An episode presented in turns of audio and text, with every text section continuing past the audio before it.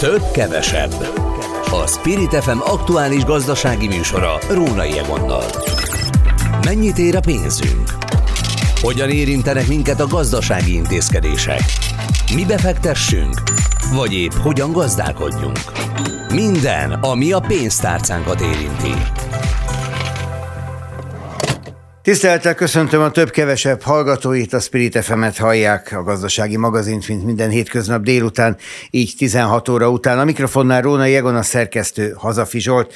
És egy rövid tartalomjegyzék itt rögtön az elején. Beszélünk arról, mint hogy tegnap a nyugdíjak kapcsán már megtettük, hogy az OECD a gazdasági együttműködési és fejlesztési szervezet ajánlásokat fogalmazott meg Magyarország számára, hogy mik ezek, elsősorban a gazdasági részét fogjuk most áttekinteni. Beszélünk arról, hogy digitális lemaradásba került Magyarország, sereghajtók vagyunk az Európai Unióban a digitális fejlettség terén, hogy ez mit jelent és miféle hátrányokat okoz, ezügyben is szakértőt keresünk majd. Szóltunk már tegnap is, hogy van egy javaslat a minimálbér 15%-os megemelésére a következő esztendő tekintetében, sőt van egy hosszabb távú javaslat is, négy éves időtartamra akár a 400 ezer forintos bruttó minimálbér elérése is szóba kerülhet. Ezügyben is szakembert keresünk, amint beszélünk majd arról is, hogy le kell állítani egy izraeli gázmezőt, és ha ez igaz, mint ahogy látszik, hogy valószínűleg igaz, akkor ez a gáz árában mekkora változást fog okozni, illetve majd értelmezzük azt is, hogy most hirtelen mitől olcsóbb az a benzin és gázolaj a kutakon, amiről néhány héttel ezelőtt még úgy hírlet, hogy nem sokára 700 forint. Na most éppen 600 körül van.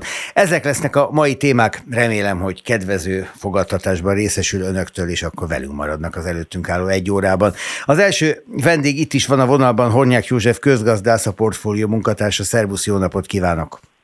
Szervusz, üdvözlöm a kedves hallgatókat! Szóval OECD nem kötelező az ajánlása egyetlen kormány számára sem, de általában figyelembe szokás venni, kivéve, hogyha valamiféle beavatkozásnak tekintik ezt egy ország belügyeibe. Most nem fogunk politizálni, hanem arról fogunk beszélni, hogy az OECD szerint milyen reformokra van szükség Magyarországon, de azért előbb lépjünk három lépést hátra az OECD, milyenek alapján ad ajánlásokat egy-egy ország felé, például felénk Magyarország felé. Gyakorlatilag az OECD megnézi, hogy milyen problémákat lát Magyarországon a gazdaság tekintetében, akár a termelékenység, akár a munkaerőpiac, a nyugdíjak tekintetében, és ezzel kapcsolatban fogalmaz meg ajánlásokat.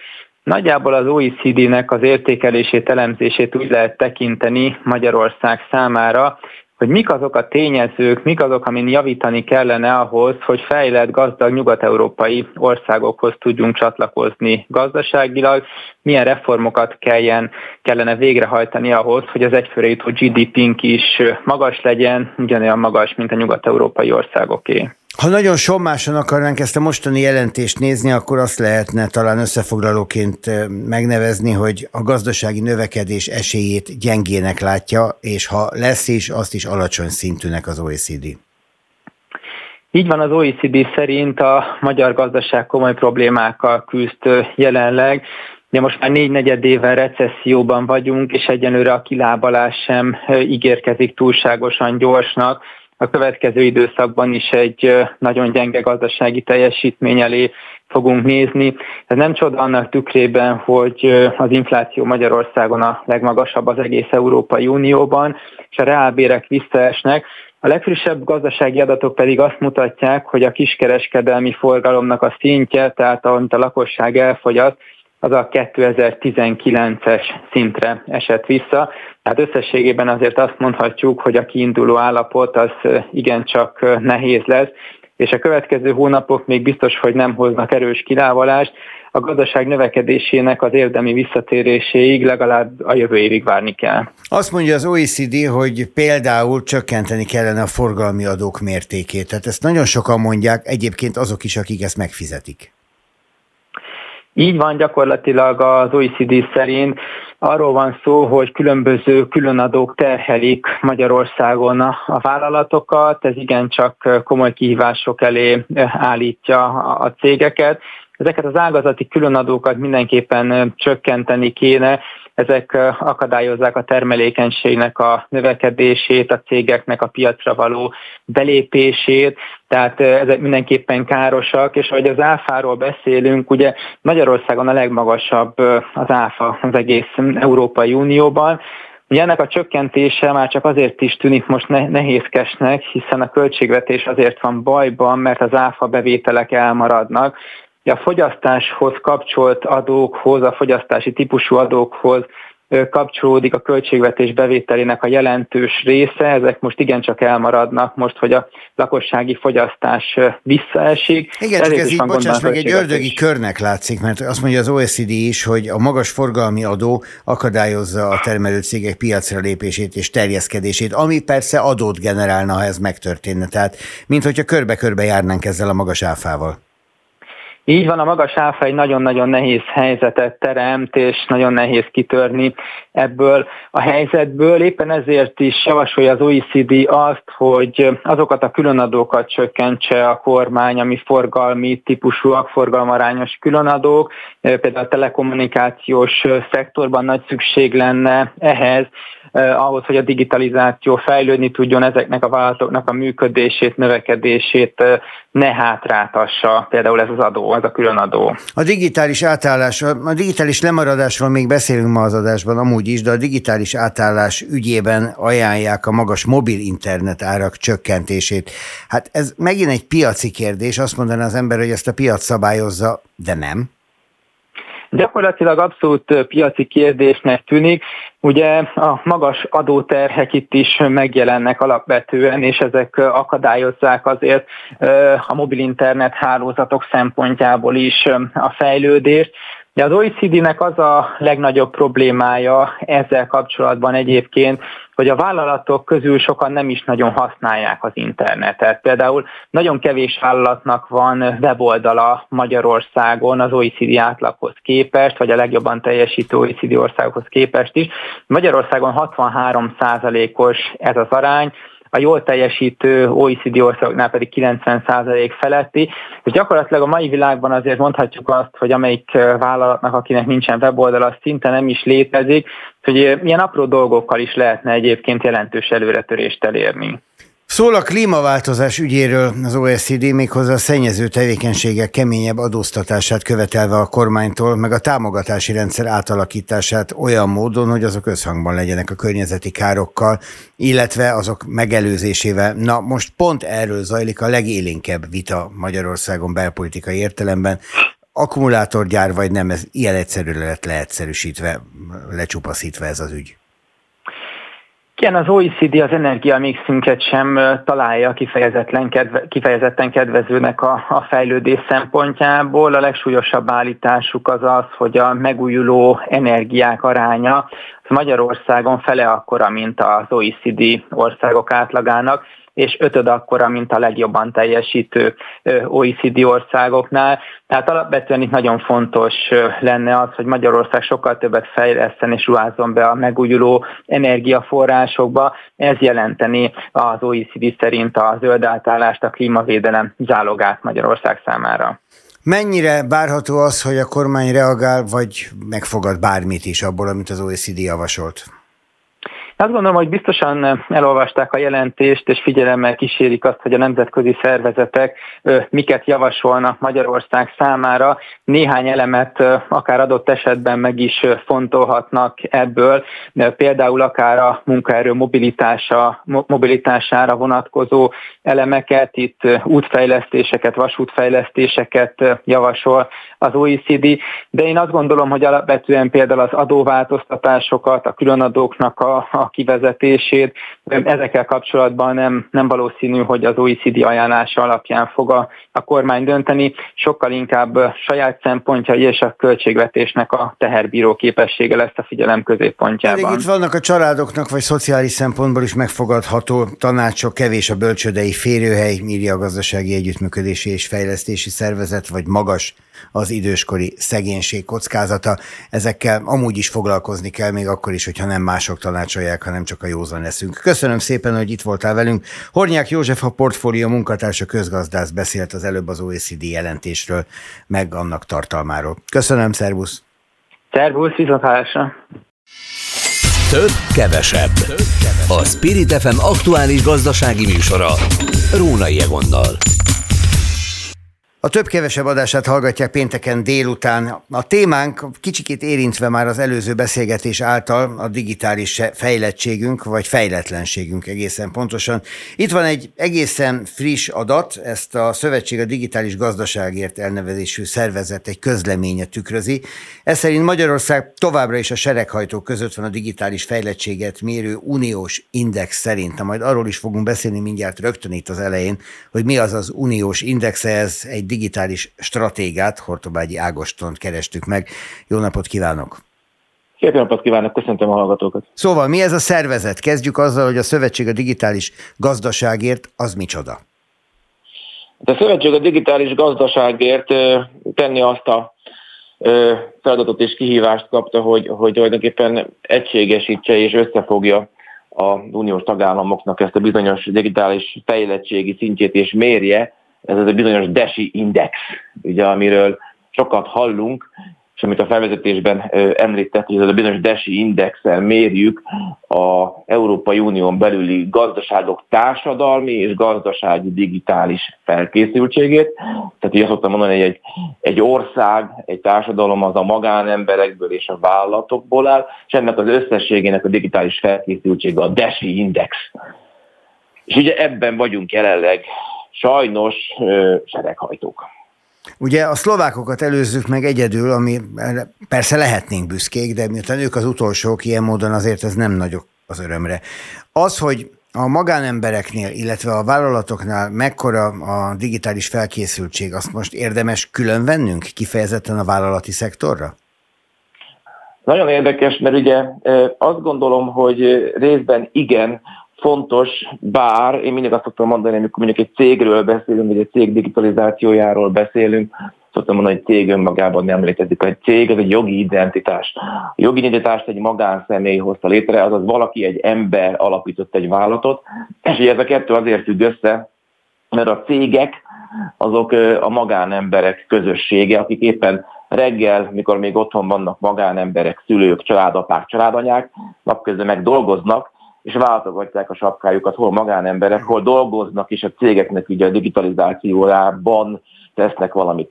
Tehát külön bontják ezt az egészet, én mégis azt gondolom, hogy ezt egyben kell, kellene kezelni, és ahol a magánemberek szintjén van a kutya elásva, hogy miért vagyunk itt a végén. Mert hogy a döntéshozó is valahol csak csupán egy magánember, még hogyha vállalati döntéseket is hoz, tehát amilyen nézőpontja neki van a világról, olyan lesz a vállalatáj. Ez tű pontosan így van, és nem csak az, hogy milyen nézete van a világról, hanem mennyire felkészült digitálisan.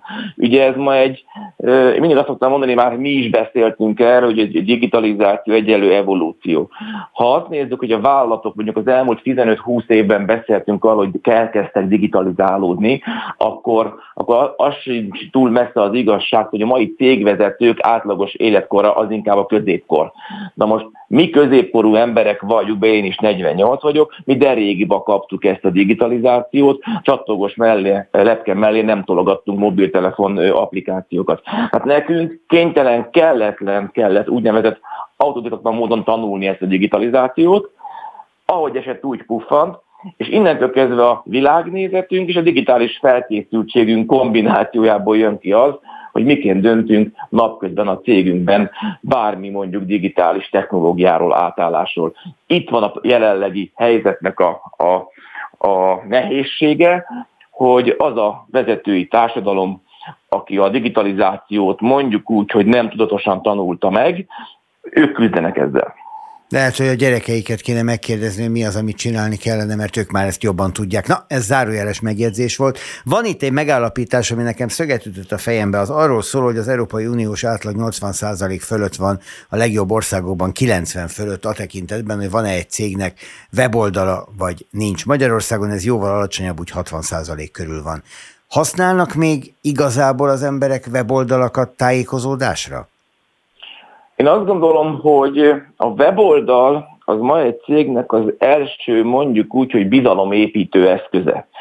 Tehát én azt gondolom, hogy annak a cégnek, vállalatnak, akinek ma nincs legalább egy egyoldalas weboldala, ahol, ahol az elérhetőségeit meg lehet találni, az ASF-ét, a jognyilatkozatait, vagy bármit, akkor azt gondolom, hogy azért gondolkozzanak el a leendő ügyfelek, vagy igénybe szándékozni vevők, hogy azért valami oka van annak, hogy valaki ezt nem teszi meg. Ez ugye főleg egy webáruház esetében ennek kulcskérdés, ahol az interneten rendelünk és kerülünk kapcsolatba, vagy végül nem. Szerintem mindenkinek, tehát én azt gondolom, hogy ma még egy, ma még egy cipésznek is azt érdemes végig gondolnia, hogy, hogy ott teszi a világhálóra saját magát, mert hogy mert bizony bizalom szint növelő az, hogy valaki elérhető vagy sem. Ez ma már kicsit azt tudnám mondani, hogy annyira tenném én kötelezővé, mint egy cégért táblát, ha valaki már egy céget alapít, akkor kötelezik arra, hogy írja ki a cég nevét a ajtóra vagy az irodára. Én azt gondolom, hogy ez, ez ma már egy alapkritérium lenne. Még akkor is, hogyha a legtöbb információt a közösségi térben keressük, és nem a, a weboldalakon? Na jó, de mondjuk, hogy a közösségi tér, és egy digitális tér, ugye? Hát persze. Tehát, hogyha tehát, hogyha, ha nekem nincs weboldalam, és nincsen valamilyen digitális tartalmam, akkor mit teszek közé a közösségi médiába? Ugye a közösségi média alapvetően ugye a magánemberek közössége az is, ugye ez a sok ö, ö, közösségi média miről szólt, hogy elmegyek nyaralni, és fölrakom nyaralós fotókat. Aztán rájöttünk persze, ez nem jó, meg nincs és zárójel. De hogy, de hogy ha én egy vállalkozás vagyok, és élni akarok a közösségi média a lehetőségekkel, vagy a terjesztéssel, akkor mit terjesztek, ha nekem nincs mondjuk egy olyan linkem, egy olyan weboldal linkem, amit azt mondom, hogy ide gyertek át, kedves érdeklődők, és nézzétek meg, hogy ki vagyok és mit csinálok. Tehát a közösségi médiát sem tudja kihasználni ez a vállalat, akinek nincs legalább egy weboldala. Merre felé haladunk például a digitális tudatosság tekintetében? Abban is olyan rosszul állunk, mint a digitális ellátottságban? Ö, nagyon kettős a dolog. Az érdekessége az, hogy a digitális ellátottság és a, a kérdésének a második felére adnék először választ. A digitális ellátottsága egyébként Magyarországnak állami szinten nem rossz. Azért lássuk be például az adóhatóságnak azok a rendszerei, hogy milyen pikpak módon jutnak hozzá az, az adóhoz, és pontosan látják már az elszámlázó rendszereken keresztül, hogy kinek mennyit kell adóznia. Nem olyan rossz. Ügyfélkapunk, cégkapunk van, sok mindenünk van. Én azt gondolom, hogy amink nincs, és amit logikailag rosszul csináltunk, és ezt kimerem mondani, hogy először fejlesztettünk szoftvereket, majd kihagytuk, hogy az embereket megtanítsuk arra, hogyan kell használni. Tehát egy, és, és ma csak azok a szoftverek működnek egyébként globálisan is, amiben valamilyen kötelező elemet építettünk be. Pedig ennek nem így kéne lennie. Tehát azt kell megérteni, hogy a szoftver önmagában az egy, az egy több meg egy kalapács, és senkit nem tanítottunk meg asztalossá válni először, és most mindenki veri a kezét, és lassan ott tartunk, hogy ha azt mondja nekem valaki, hogy még egy szoftvert hozok, azaz még egyszer rá kell ütnöm a kezemre és vérezni fog, akkor azt mondom, hogy nem kell. Az edukáció kimaradt teljesen. Hát azt pedig az iskolában kellene ma már elkezdeni, az nem felnőttkori kérdés. Azt gondolom, a gyerekek azzal születnek, hogy használják az eszközöket, hogy hogyan használják, hogy milyen kompetenciával nyúlnak hozzá, hogy azt manapság mondani szoktuk, az meg oktatási kérdés is nyilván, meg rajtunk szülőkön is múlik, de ez megint egy másik kérdés. Erről egyszer érdemes lenne külön beszélnünk, jó? Nagyon szívesen beszélnék erről, mert amit említett, hogy a gyerekek tanulnak. Nem a gyerekekkel van a gond, hanem az aktív munkavállalói korosztályjal, akik még a következő 10-15 évben döntéseket fognak hozni, informatikai ismeretek nélkül. Hát és őket is oktatni kéne. Hortobágyi Ágoston, digitális stratéga, köszönöm szépen, viszont hallásra. Viszont hallásra, én is köszönöm. Több, kevesebb. A Spirit FM aktuális gazdasági műsora. Rónai Egonnal. A több-kevesebb adását hallják, péntek délután van, tegnap már szó esett róla, hogyha valaki folyamatában hallgatja a műsort ugyanebben az időpontban minden délután itt a Spirit fm akkor már tudhatja, hogy leült a munkaadói és munkavállalói oldal, a kormány várja, hogy mire jutnak egymással, ők pedig a jelek szerint arra jutottak, hogy amennyiben az évvégi adatok ezt megengedik, akkor hajlandóak lennének valami olyanban megállapodni, hogy legyen 15%-os a garantált béri minimum növekedés, és legyen 10%-os a minimálbér növekedés. Ráadásul távlatosabban gondolkoztak, és egy négy éves emelési programban is megállapodtak. Nincs még pecsét a papír alján, de a szándéknyilatkozatok megszülettek. Bütl Ferenc közgazdász egyetemi oktató van itt a vonalban. Jó napot kívánok! Jó napot kívánok! A kérdés első körben nyilván az, hogy ez mennyire fogja a munkavállalók lemaradását, reáljövedelem lemaradását helyrehozni, helyreütni. Ugye érdemes visszautalni arra, ami korábban elhangzott, hogy itt a minimálbér és a garantált bérminimum változtatásáról 2024. január 1-től történő emeléséről van szó. Tehát ez nem érint mindenkit, nem érint minden munkavállalót. Ez azokat érinti direkt módon, akik minimálbéren vannak foglalkoztatva, illetve a garantált bérminimumot kapják, illetve természetesen azokat, akik abba a sávba esnek, ami a jelenlegi szint és az emelt szint közötti sáv, hiszen az ő keresetüknek is emelkedniük kell. És azt szokták mondani, azt szoktuk mondani közgazdászok, hogy van egy az ilyen emelések kapcsán van egy bérnyomás az alsó jövedelmi, az alsó kereseti kategóriákban, melyek közelesnek ezekhez a szintekhez, azok a keresetek is vélhetően valamelyest emelkedni fognak, de azért arra senki nem számítson, hogyha jelenleg nem tudom, az átlagkereset körül vagy a fölött keres, akkor csak azért, mert a minimálbér és a garantált bérminimum emelkedni fog, akkor biztos, hogy az ő fizetése is Ugye arról szokták mondani, hogy arulról ilyenkor jön egy nyomás, tehát hogy a minimálbér, a garantált bérminimum összege emelkedik, úgy a fölötte levő bérkategóriákhoz egyre közelebb kerül, nyilvánvalóan az ott dolgozók, az abba a kategóriába esők hátrafelé néznek, és kérdőn a főnökre, hogy és az enyém, mennyit bírhat el a gazdaság? Ez uh, így van, ugyanakkor ezt nehéz megítélni, ugyanis azért az elmúlt években nagyjából azt láttuk, hogy a minimálbér és a garantált bérminimum emelése az inkább követte az átlagkereset, illetve általában a keresetek, a legalacsonyabb keresetek emelkedését is, és nem pedig előidézte azoknak az emelkedését. Tehát, hogy a, ugye nagyjából a 2010-es évek közepétől arról beszélünk, hogy a magyar gazdaság, a munkaerőpiac az egy, az egy hiányos állapotban, egy munkaerőhiányos állapotban van, nagyobb a kereslet, kevés a betöltetlen álláshely, feszített a munkaerőpiac, tulajdonképpen a teljes foglalkoztatás állapotában van egy ideje a magyar gazdaság, és ebben az állapotban a keresetek maguktól emelkednek, és nem nagyon fordul az elő, hogy a minimálbér, garantált bérminimum emelés idézen elő aztán kereseti emelkedéseket, inkább azt látjuk, hogy követi a keresetek emelkedését. Na de itt az elmúlt időszakban azért mindenki azt éli meg, hogy kevesebbet ér a pénze, és nyilván a gazdasági nehézségek közepett a cégek is kétszer meggondolták, hogy mennyit emeljenek. Voltak, amely cégek megpróbálták követni az inflációt, voltak, amelyek egyáltalán nem voltak képesek bért rendezni, bért emelni. Ezek nagyon jelentős különbségeket tudnak most okozni különféle munkaadók ajánlatai között. Ez így van. A különböző ágazatokban, illetve különböző méretű, különböző tőkeerővel rendelkező cégeknek különböző lehetőségeik vannak. Akiknél azt láttuk, sőt láttunk olyat is, aki évközben is emelt, tehát azt mondta, hogy olyan magas volt az infláció, hogy nem, nem volt elég az az emelés, mint 2023. januárjában adott, hanem mondjuk egy nyári, júliusi béremelést is végrehajtott, tehát alapvetően azokon a területeken láttuk, ahol, ahol fokozott munkaerőhiányjal küzdködnek a cégek, és ezekkel a plusz juttatásokkal, ezekkel az emelésekkel, amelyekkel legalábbis hát ellentételezni próbálták az inflációs hatást és a reálkeresetet szinten tartani, esetleg valamivel emelni, valamivel pozitív tartományba lökni. Ott a munkaerő megtartása volt az elsődleges cél, az, hogy ne hagyják ott őket a jelenlegi dolgozóik, és ne felejtsük el, hogy a határok továbbra is nyitva vannak, tehát a munkaerő áramlás az, az, az él, és nem szűnt meg.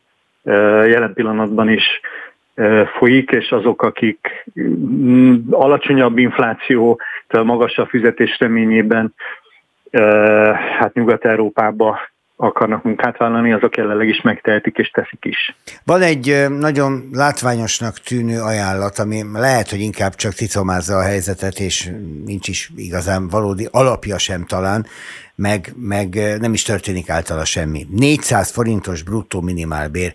Ilyen összegekről beszéltek a tárgyaló felek, de nem jelen időben, hanem egy négy éves távlatban. Miközben nem tudjuk, hogy négy év múlva persze mi lesz, de ez a 400 forintos bruttó minimálbér, ez valóban egy ekkora áttörést jelentene?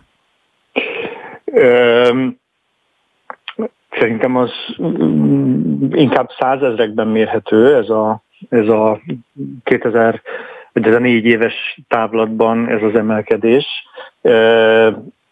Én azt gondolom, hogy az egy nagyon fontos, és általában a gazdasági működés kiszámíthatósága.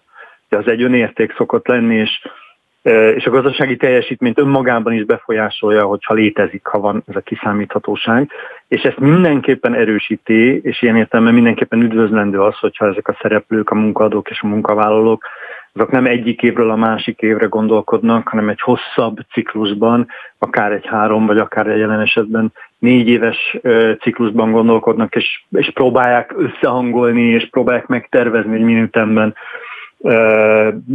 folyhat Magyarországon a magyar dolgozók számára, hogyan valósulhat meg a bérfelzárkózás. Tehát ez mindenképpen üdvözlendő. Az, hogy ebből mit bír el a gazdaság, de azt nagyon nehéz megmondani, hiszen azért időben minél távolabbra tekintünk, annál kevésbé látjuk előre azokat az eseményeket, amelyek ezeknek a törekvéseknek a feltételrendszerét létrehozzák. Nem látjuk pontosan, hogy mennyi lesz a, a, kevésbé látjuk pontosan, hogy három év múlva mennyi lesz a GDP növekedés, mint amennyire látjuk előre, hogy mennyi lesz jövőre. Kevésbé látjuk, hogy mennyi lesz három év múlva várható infláció Magyarországon, mint amennyire látjuk jövőre. Tehát minél inkább előre tekintünk, annál nagyobb a bizonytalanság, de ugyanakkor mondom, nagyon érdekes, hogy a másik oldalon meg a kiszámíthatóság az hozzájárul, és egy ilyen tervezett emelési ciklusnak a deklarálása az hozzájárul a kiszámíthatóság növeléséhez, és ezáltal a gazdasági teljesítmény hát javulásához Hát mindannyiunknak kívánom, hogy legyen olyan gazdasági teljesítmény és olyan gazdasági helyzet, hogy ennek az emelésnek semmi ne álljon az útjába. Bötl Ferenc közgazdász egyetemi oktató beszélt az imént a több-kevesebb adásában. Köszönöm szépen, viszont hallásra. Nagyon szépen köszönöm, viszont hallásra. Több kevesebb. A Spirit FM aktuális gazdasági műsora. Rónai Egonnal. A több-kevesebben a mai utolsó beszélgetés a gáz árának alakulásáról, a térre készülő Európa gáz árairól, illetve a háborús helyzet miatt kialakuló anomáliákról esik majd szó. Méghozzá oly módon, hogy Balog Józsefet, a téma szakértőjét kerestük. Szerbusz, jó napot kívánok! Jó napot kívánok! Szóval itt ez a borzasztó háború, ez nem csak a maga szörnyűségeivel okoz felfordulást a világban, hanem nyilván azzal is, amilyen hatásai vannak. Ugye itt szó esett már az előző napokban arról, hogy lesz-e embargó Iránnal szemben, és hogyha lesz embargó az olaj kitermelését és exportját, hogyan fogja befolyásolni. Már ha kiderül és bebizonyosodik, hogy Irán áll a Hamas támadása mögött. De most az is látszik, hogy Izrael maga is gondokkal küzd, mert a földgázmezei közül az egyiket, a Tamar mezőt le kell állítani. Mit jelent jelent ez a kiesés? Tehát itt a lényeg az az ezzel az emberi tragédiával kapcsolatban, energia szempontból, hogy minden azon áll és bukik, hogy hogyan ö, ö, fog ebbe az egészbe belekeveredni Irán. Irán borzasztóan fontos gázban is, és olajban is. Gázban a, a világon a harmadik legnagyobb termelő körülbelül jelenleg, olajban pedig nagyon erős második, mivel az oroszok és Szaudarábia visszapogta a termelését. Ha, ha Irán ebbe a, az emberi tragédiába valahogy belekeveredik ott a gázai övezetben, akkor itt az árakba a, a, a, a csillagos ég lesz a határ, Ugye a Hormuci szorosról már mindenki hallott, én ezt meg kimértem ma reggel, ennek a legkeskenyebb része Iránnál összesen 51 kilométer, 51 kilométert hadihajókkal Iránnak elállni, az körülbelül másfél nap, Viszont ez az a szoros, ahol a világ minden harmadik hordója átmegy, amit, elfogyaszt, amit elfogyasztunk. Tehát borzasztóan fontos, hogy, hogy mi lesz a jövőben Irán szerepe, reméljük, hogy semmi ebben az emberi tragédiában Izraelben. Ha belekeveredik, akkor olaj és gázárban a csillagos ég a határ. Most az, hogy a Tamar mezőt Izrael leállítja, ez Izrael számára azon kívül, hogy nyilván ez egy kitermelési kiesés okoz gondot? Vagy a világ számára jelente mondjuk a földgáz árában emelkedést? Tehát Izrael körülbelül, most csak nagyon durva számokat mondok, olyan 21 milliárd köbméter gáz tud kitermelni, amiből otthon elhasznál, én azt mondanám, hogy körülbelül 12-13-at egy jó évben, a többit az exportálja. Ennek a nagy része Egyiptomba megy, egy kisebb része Jordániába. Egyiptomból hajóra kerül a nagy része, és hogy az jön Európába, hogy ez a híres cseppfolyós gáz.